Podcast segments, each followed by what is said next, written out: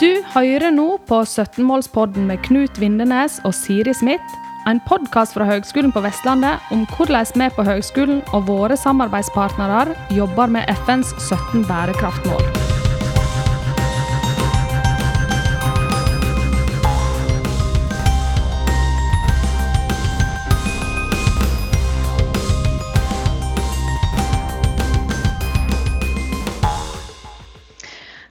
Alle sammen. I dag er vi så heldige å ha vår første HVL-alumn som gjest her hos oss. Hei til deg, Hei til deg Rebekka Louise Knotten. Hei. Veldig kjekt å få være her. Og Knut Undernes er jo med òg. Hallaisen. Uh, ja, så du, uh, du Rebekka, uh, har jo skrevet en masteroppgave i sirkulær økonomi på, for master innenfor innovasjon og ledelse på Institutt for økonomi og administrasjon ved HVL. Um, ja, så da kan vi egentlig bare gå rett på og spørre deg om masteroppgaven din. Den er jo, det er litt sånn spennende å høre, høre om. Hva var tittelen på masteroppgaven? Eh, Tittelen var 'Sirkulær økonomi ny agenda for norsk varehandel?' spørsmålstegn. ja. yes. det var viktig med et spørsmålstegn der. ja. ja. Fortell litt om hva du fant uh, i dette her arbeidet. Eh, jeg må jo først si at jeg skrev ikke den alene. Jeg skrev at med ei som heter Irene Warhaugvik, som jeg gikk i klasse med. Um, og egentlig det vi fant ut ganske tidlig i arbeidet med oppgaven, det var at i faglitteraturet som eksisterte fra før, så fant vi egentlig veldig lite av sirkulære strategier som var retta mot varehandelsleddet. Ja. Det er veldig mye som går på produsent, produksjon, og det ser vi også at en prøver å innføre produsentansvar og sånne ting når det kommer til produkt og forbruksvarer. Men, um, men vi kom jo fram til at varehandel er jo som et veldig viktig mellomledd mellom produsent og forbruker. Og selv om en ikke kan gjøre så mye direkte med produksjon, så kan en påvirke og stille krav til produsentene, og også prøve å oppfordre kundene sine til å velge de mest bærekraftige alternativene. Så um, det vi endte ja. opp med, det, det, var at vi lagde en, um, en egen modell eh, som vi kalte for mellomleddsrammeverket. Så det, Der lagde vi våre egne strategier som varehandler kan bruke. Yes, egen modell, ja. Mm. Hva, hva, hva, legger du i ordet da varehandel, for de som ikke er helt i, her, i den verden? Hva, hva, er det for noe? Eh, vi brukte litt tid på å finne en uh, offisiell definisjon på det.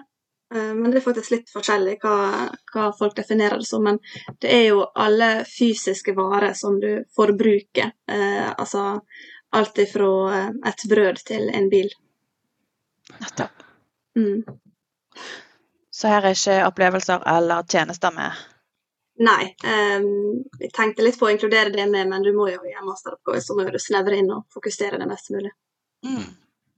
Så hva gikk modellen deres ut på?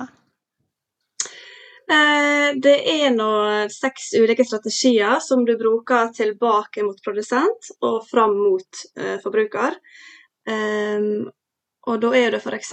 å ha bonusordninger, uh, samme som mange butikker har i dag. at det er hvis de kjøper fem av en vare, så får de så så mange poeng som de kan bruke senere. Men at du heller skal eh, eh, ja, samle bonuspoeng på grønne varer, eh, varer som er produsert bærekraftig. Ja. Um, og også ikke minst å kreve informasjon fra produsentene om materialet som har vært brukt, uh, karbonavtrykket fra produksjonen, og at den informasjonen skal bli videreført ut til kundene, og de skal få tilgang til det. Eh, for at de skal ha eh, godt grunnlag for å velge hva de skal kjøpe.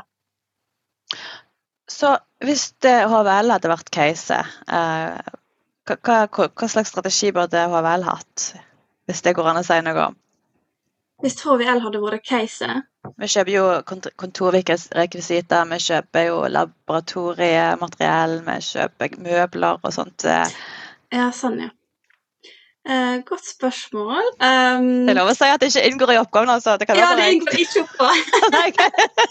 men, eh, men, eh, men, det er jo selvfølgelig altså Det er jo å sette potensielle leverandører opp mot hverandre og stille krav til at det, uh, vi skal ha ja, maks eh, denne mengden med utslipp i produksjonen. Eh, det skal være mest mulig lokalt produsert. Eh, det skal være mulig å få det fiksa, reparert, hvis det er dårlig kvalitet. altså alt det da, at en skal, eh, skal, skape litt konkurranse, sånn at leverandørene eh, får litt press på seg til å levere på bærekraftige kriterier. Ja, det er jo utrolig spennende. og Jeg tror nok det er, det er framtiden. Eh, og vi ser jo på vårt eget klimaregnskap, så er jo det der varer og tjenester. altså HVL sitt klimaregnskap så er jo varer og tjenester utgjør en tredjedel. Mm, ja. Så der, der, er det mye vi kan, kan bli bedre på. Ja. Er det sånn at dere har involvert Involverte dere noen bedrifter eller leverandører eller butikker eh, i, eh, i oppgavearbeidet, eller hvordan? Nei, faktisk ikke. Det var, det var egentlig noe vi sjøl påpekte som en svakhet i oppgaven. At vi ikke hadde intervju. Vi, det var veldig sånn uh, Vi gikk ut ganske bredt og baserte oss på artikler.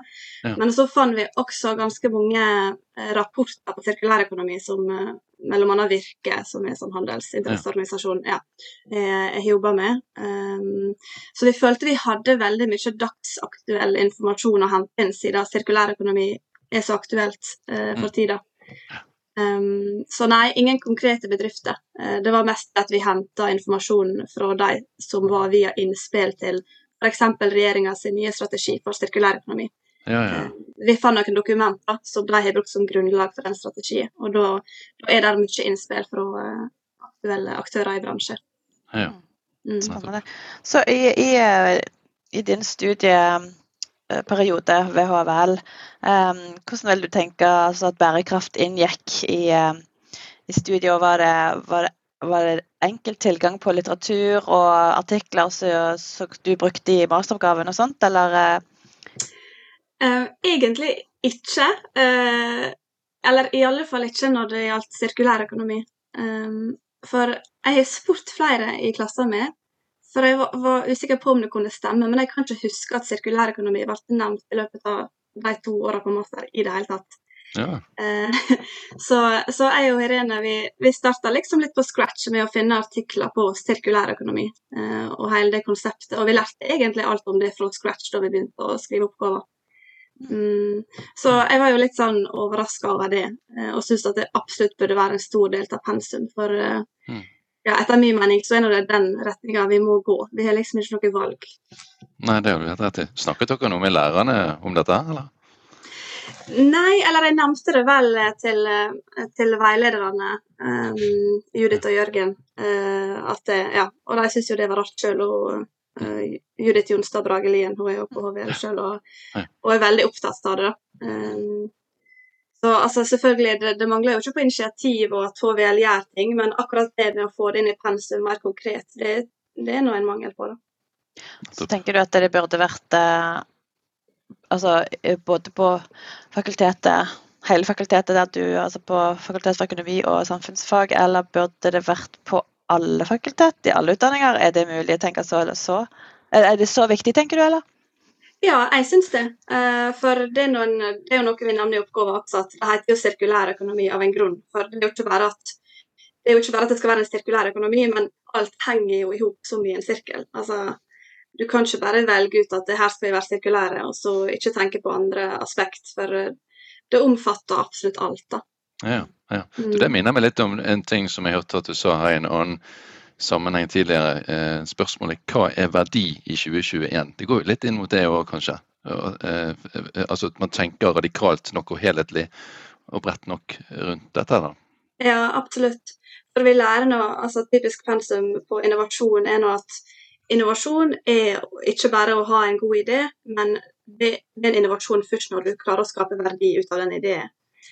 Og, og, da er det først og fremst penger det er snakk om. Sant? Du skal tjene penger, du skal være en bedrift som kan være selvforsynt osv. Um, ehm, og så har du da den uh, delen som blir kalt sosialt entreprenørskap. Og der er det snakk om å skape verdi som, er, som ikke er penger, men som er f.eks. å ja, hjelpe mennesker som trenger det. Uh, ja, skape løsninger som uh, skaper et bedre samfunn og sosiale uh, forhold. Um, men etter min mening så burde det ha et mye større uh, få mye større plass i pensum. Ja, altså det med sosialt entreprenørskap. Og du hadde vel noen tanker om begrepet også, du? begrepet sosialt ja. entreprenørskap? Ja, for det er jo bare at det, det, det blir jo på en måte som et akkurat den delen føltes nesten som et parentes i utdanninga. At ja, dette er også en ting, men uh, ja, det var ikke For, for de spesielt interesserte, nesten? ja, på en måte. så for jeg, noe jeg hadde gleda meg til, var nå på en måte vært satt enda mer inn i det med bærekraft. Um, og jeg hadde jo også hørt om sirkulærøkonomi uh, lenge før jeg begynte på HVL. Uh, så forventningene til å lære mer om det, de ble ikke innfridde. Nei, rett og slett. der, der, der, er et forbedringspotensial, Siri, så vi får uh, notere oss og sende videre. Jeg har notert masse allerede. Nei, men jeg, jeg lurte òg på uh, dette her med, uh, som, som, Knut nevnte, du har nevnt noe tidligere. For vi lagde jo en uh, liten sånn video med deg som vi hadde med i et bærekraftverksted for Fakultet for økonomi og samfunnsfag da i høsten 2021. Uh, mm. Og da vil jeg også spørre deg, for det har kanskje litt ved dette å gjøre. Altså, du nevnte en forskningsavdeling, at vi burde hatt en forskningsavdeling med et far, altså en slags tverrfaglig lab som både tok inn eh, studenter og ansatte, men òg eh, næringsliv og lokalsamfunn. Det er en utrolig spennende tanke. Eh, vil du spinne litt mer på det? Ja. Um det er egentlig bare at jeg syns HVL burde ta mer eierskap i bærekraftige initiativ, og at det skal være mer synlig på campus. Mm. Altså utnytte at du har så mange studenter du har tilgang til, som studenter som skal videre ut og på en måte ta over framtida. Um, så det er jo mange f.eks. samarbeidet som HVL har med VIS, uh, altså Vestlandets innovasjonsselskap. Ja. Um, når elever skal ut i praksis i gjerne da gründerbedrifter, men også større bedrifter. Det er kjempeflott, men, men hvorfor bare sende dem sende videre? Hvorfor ikke bare prøve å holde eh, engasjerte studenter på campus og, og, ta litt eierskap og utvikle ting som er, som er HVL som står bak, da. Ja. Spennende tanke. Veldig. Og eh, nå snakker vi om det med å, å utvikle HVL videre i det faglige. Eh, Knut, du hørte noe om eh, tanker om campus eh, som du ville høre litt mer om? Ja, for du, du, hadde jo enda flere tanker eh, når vi snakket med deg, eller eller når du spilte denne videoen eh, tidligere, Rebekka, eh, mm. om, om hvordan, altså hvordan, studentene bør, bør, rett og slett oppleve bærekraft mm. på, på campus. Ja, og jeg tenker at studentene sjøl kan være en viktig del av det, på samme måte som du har eh, sammen idrett, eller ja, sammen trening og disse forskjellige interesseorganisasjonene. Mm. Så kan du ha sammen bærekraft, og at studenter sjøl står for å f.eks. Eh, opprette en bruktbutikk da, på campus. Eh, eller for altså, få inn Fretex på campus. Jeg reagerer jo ofte på hvor, hvor vanskelig det er å finne fram til bruktbutikker altså i Bergen, som er Norges nest største by. Eh, ja. Du har én Fretex, og så har du noen enkeltstående bruktbutikker. Det er liksom En må jobbe for å finne fram til dette her. Så hvorfor ikke lage sånne ting på campus? Når du sier det sånn som det der, så høres det egentlig veldig eh, bakvendt ut at det, at det, er så tungvint og vanskelig å finne det. Eh, mm. Når, du sier det sånn som Ja, ser den. Ja. Og det er jo, jeg ser jo på en måte alt som er mulig. Sånn som nå så jobber nå jeg på eh, Jeg har kontor på Lystgården på Landås. Ja. Og der har jo Bærekraftige livbase og, og ulike andre bærekraftige initiativ. Um, og de gjør jo ting hele tida. Nå har de f.eks. åpna et tingotek, som de kaller det. Der folk kan levere inn ting, og så kommer de og låner alle mulige ting. F.eks. en drill da, som du ikke trenger hver dag eller plenklipper, um, som et bibliotek for ting. Ja. Så det hadde vært veldig kult hvis at det samme type initiativ også skjedde på, eh, ja, i utdanningsinstitusjonene.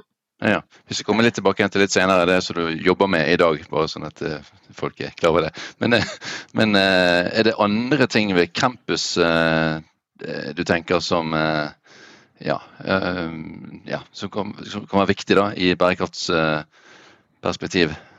Enn det vi har snakket om så langt?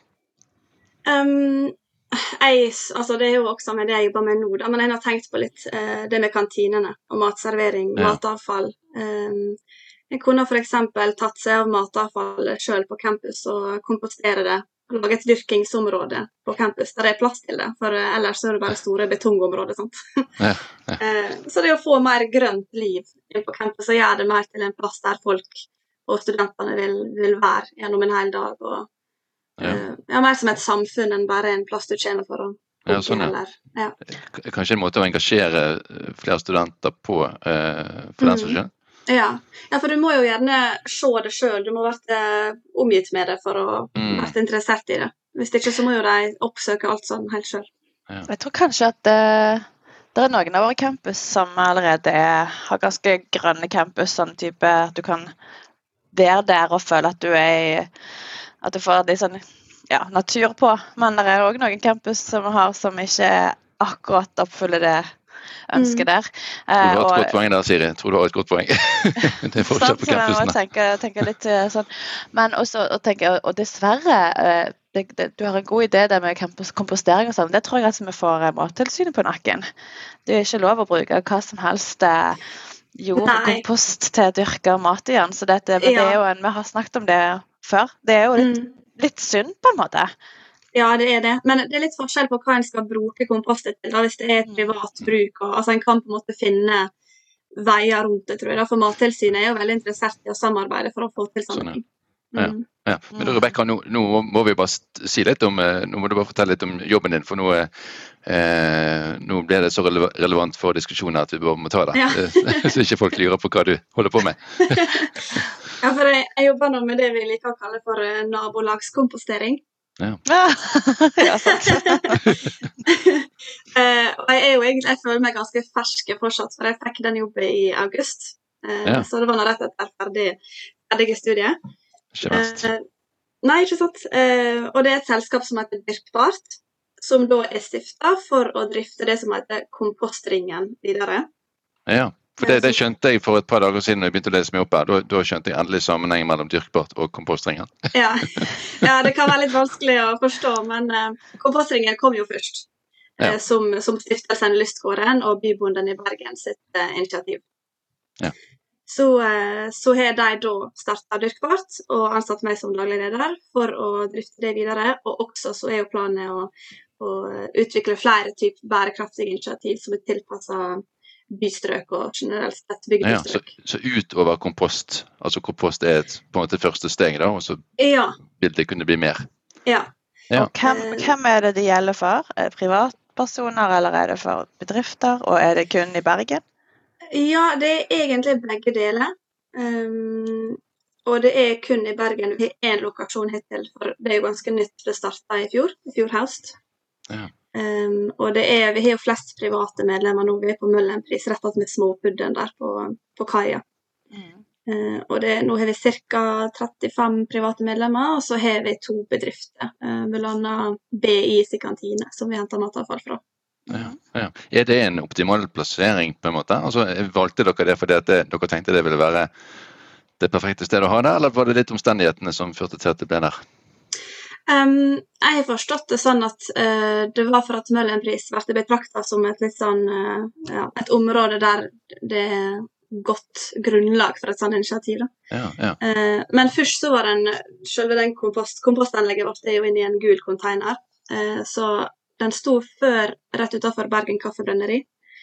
Um, og var, det var jo også sånn tanke at det, uh, kundene der kan hente matavfallsposer inne på Kaffebrenneriet. Kaffebrenneriet leverer kaffegrut til oss, eh, som er god å ha i kompostet. Ja. Eh, Men så hadde vi litt utfordringer der med, med tilgang til avløp, for vi har en sånn matkvern da, som trenger vann. Ja. Eh, og derfor flytta vi det bort på kaia. Eh, det er vel Marineholmen gjestebrygge det heter der.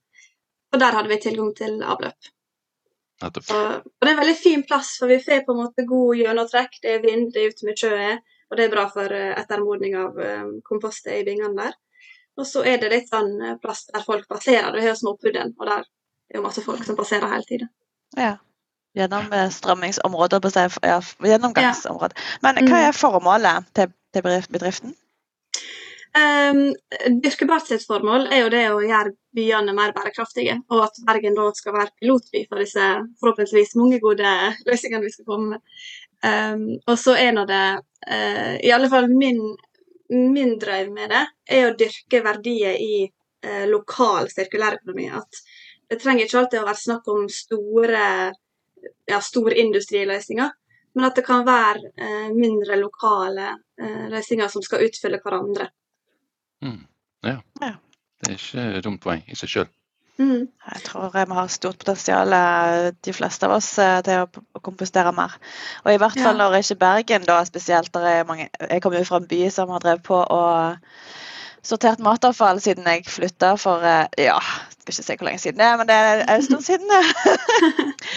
så, så det har jo Bergen eh, De har jo holdt hunget litt etter når det gjelder å sortere ut matavfall. Så at vi kan bruke matavfallet på en eh, annen måte enn som eh, i forbrenningsanlegget, det er nå i Mm. hvert fall uansett en god ting.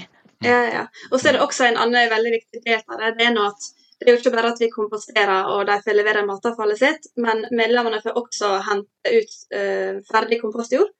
Og så er planen vår da, for vi kommer til å ha masse kompostjord til overs, så planen med den er å kommersialisere det og selge det i markedet som et bærekraftig jordprodukt.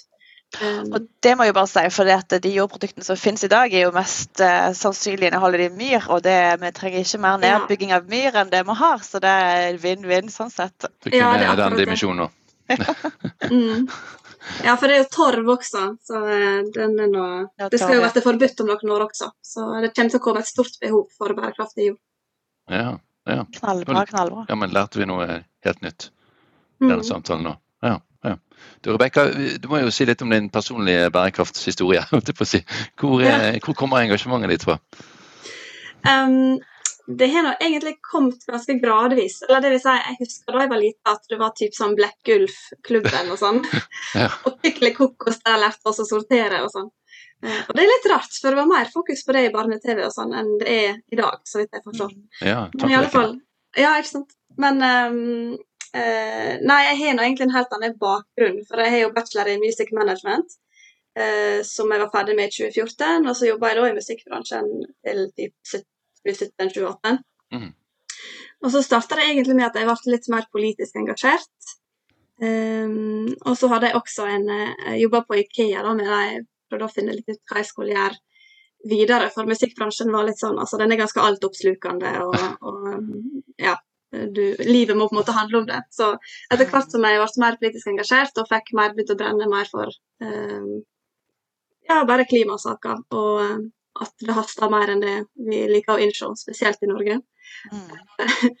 Så I kombinasjon med at jeg da jobber på Ikea, og de er veldig flinke til å fokusere på eh, bærekraftige tiltak, og de har jo et mål om å være 100 sirkulære.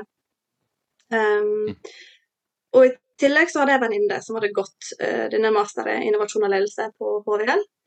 Så jeg visste litt hva den gikk ut på, og jeg visste at du fikk reise på utveksling og jobbe i, eh, i eh, entreprenørbedrifter i USA. Ja. Eh, Så da søkte jeg meg inn da på HVL i 2019. Ja. Ja. Eh, og så, eh, og så har jeg egentlig, det har egentlig bare eskalert derfra, for jeg visste i løpet av utdanninga på master at jeg ville peile meg inn på bærekraft. Så når jeg skulle velge tema til masteroppgaven, så prøvde jeg å tenke ok, hva har jeg lyst til å jobbe med, hva har jeg lyst til å ende opp med. Ja. Så da ble det sirkulær økonomi. Og jeg er så glad for at jeg valgte det, for at jeg har liksom ja, etter da fullført master, så har det ført meg akkurat dit jeg ville. Eh, og, og nå etter at jeg fikk, eh, fikk jobb i, i Dyrkebart, så har jeg også fått øynene enda mer opp for eh, Ja, jeg var jo helt grønn på det med kompostering. Jeg hadde jo aldri styrt med det før.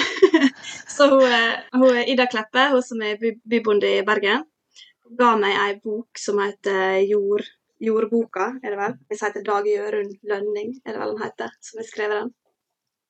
Eh, og når jeg leste den, så fikk jeg bare sånn veldig sånn wow-opplevelse over å innse hvor viktig jord er, da. Mm. Eh, altså, det er en grunn til at vi sier eh, Hva er det de sier? Av jorda du kommet, til jord skal du bli, eller? Ja. Ja.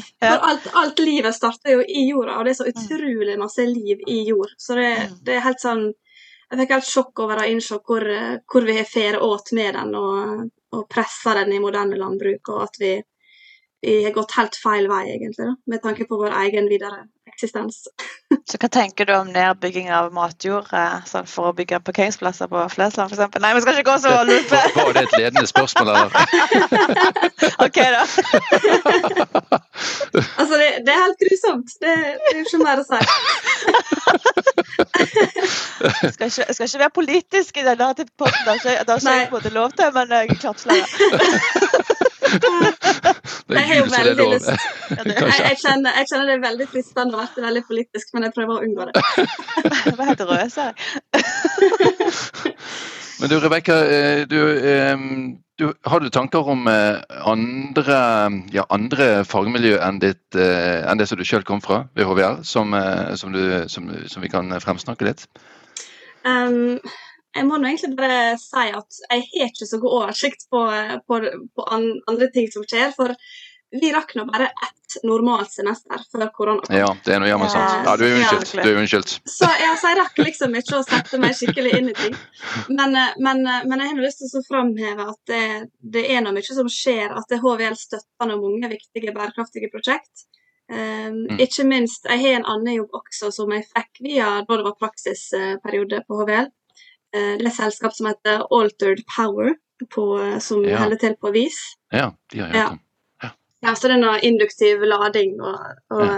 en serie som heter Higher med solcellepanel Og ja, en, et sånn energikit som vi kaller det til utendørsbruk. da. Nettopp. Um, og der, er også, der har vi også nå uh, selve teknologien der kjerneteknologiet er noe induktiv lading. Um, og nå holder vi på og skal um, teste ut en prototype for framstilling av grønn hydrogen uh, ved hjelp av den samme teknologien. Ja. Og der er HVL også inne, da, og, Ja. og bidrar. Og, ja. Så jeg vet at det skjer veldig mange forskjellige Ja. eh, ting Ja. uten at jeg har kontroll på alt. da. Ja, men det er jo kjempe, kjempebra svar, tenker jeg. Altså, det, er- for det Én ting er jo at man eh, leverer på det faglige i utdanning eh, og sånn, men, men HVL er jo eh, engasjert i veldig mye på eh, Mm. prosjektfronten rundt om. Og jeg er veldig takknemlig, er veldig takknemlig for alle, alle kontaktene jeg har fått bare ved å ha tatt den masteren på HVL. Ja, ja, sånn ja. Det er jo et godt poeng. Mm. jeg Det er skulle sagt, salgspoeng. jeg skulle nesten sagt at, eh, at eh, så istedenfor å løfte fram et fagmiljø, så kunne du heller tenkt deg enda mer tverrfaglige prosjekt, eller uh, muligheter til å jobbe enda mer på tvers av fakulteter, kanskje mer mot teknologimiljø og sånt. Uh, Ja, egentlig. Mm. Ja. Så det var på en måte en svar allikevel. For jeg, jeg, jeg tenker òg at vi kan bli bedre på tverrfaglighet eh, sånn, altså generelt i samfunnet. Altså bygge ned siloer for liksom å Vi må nødt til å bruke folk sine, sine, sine hva skal jeg si, ekspertiser da, for å jobbe sammen til nye, nye, nye løsninger. Ja, ja. Mm. Bra, Siri. Da fikk vi en sjekk på eh, tverrfaglighet òg. Fikk vi Det er viktig. viktig. Men, eh, men det, det er nå vel kanskje litt den vei eh, HVL forsøker å gå nå. Det har vært til Høgskolen på Vestlandet å prøve å liksom samle eh, kompetanse. Mm. Ja, Ja. Absolutt. det er riktig. Mm. Nei, men dette her var jo superhyggelig. Jeg tror vi nærmer oss veis ende. Er det noe sånn avslutningsvis du har lyst til å si, som du har eh, kunne tenkt deg å si før vi sier takk for nå, eller eh, har du følt du har delt det meste? Altså, jeg føler jeg har delt det meste. Det er mye mer jeg kunne ha sagt spesielt om eh, kompostringen. Ja, det tviler jeg Men, ikke på. eh, men, men folk kan jo gå inn. Vi har jo, det heter jo Kompostringen på Instagram og Facebook. og Ja, eh, ja, Veldig kjekt hvis folk uh, lurer på meg, så er det bare å ta kontakt. Og, så bra. Mm. mm. Det, det kan vi jo legge inn i, i si, introteksten, da. At Ja, de, det gjør vi. det kan vi Ja. Og så er det også, og så er det også altså Hvis noen studenter hører på da, som skal skrive master, f.eks., så er jo det et, et eh, million dollar tips å, å tenke på det med hva du vil jobbe med når du velger eh, tema for masteroppgave. Mm. Og velge så konkret som mulig, for da kan du, når du da er ute og skal finne deg jobb framover, så kan du vise til masteroppgave, og, Mm. og det er et stort pluss i boka når du søker på Ja. Ja. Det er jo kjempetips. Og så er jeg veldig spent på hvor, eh, hvor vi finner deg om ti år. Det er jeg eh, spent på. Om ti år, ja. ja da er dyrk, Dyrkbart er et uh, veldig kjent internasjonalt merke for uh, ja, uh, matjord, altså kompostjord. Eh, og ikke minst ja, generelt bare et stort brand når det kommer til bærekraftige løsninger i, i byer både i Europa og Yes. Herlig at ambisjonsnivået er høyt. Jeg tenker at vi eh, finner deg eh, Du har sikkert eh, erobret mye av bærekraftsarenaen, tenker jeg, om ti år. Ja, det er planen. Uansett, lykke til med det kjempeviktige arbeidet. Så Ja, skal vi ta, så kommer vi ned på besøk en, en dag da ting åpner igjen og det blir vår og sånt. og kommer dere og kikker. Så jeg Ja. tror vi må gjøre det, Knut. Ja, ja. Det er bare å gjøre. greit. Ja, da ønsker vi god jul. For det er faktisk siste opptaket vi nå har før uh, julen 2021 uh, slår inn. Så da får jeg si god jul til både til deg, Rebekka, og deg, Knut, og til alle våre lyttere som har fulgt oss fram til nå. Så ses ja. vi i 2022 Eller lyttes vi, nei. Ja, i 2022. vi lyttes, snakkes så, ja. god jul. God jul til deg. Du har nå hørt en podkast fra Høgskolen på Vestlandet. Du kan høre flere podkaster fra oss ved å gå inn på nettsiden hvl.no. slash podkast.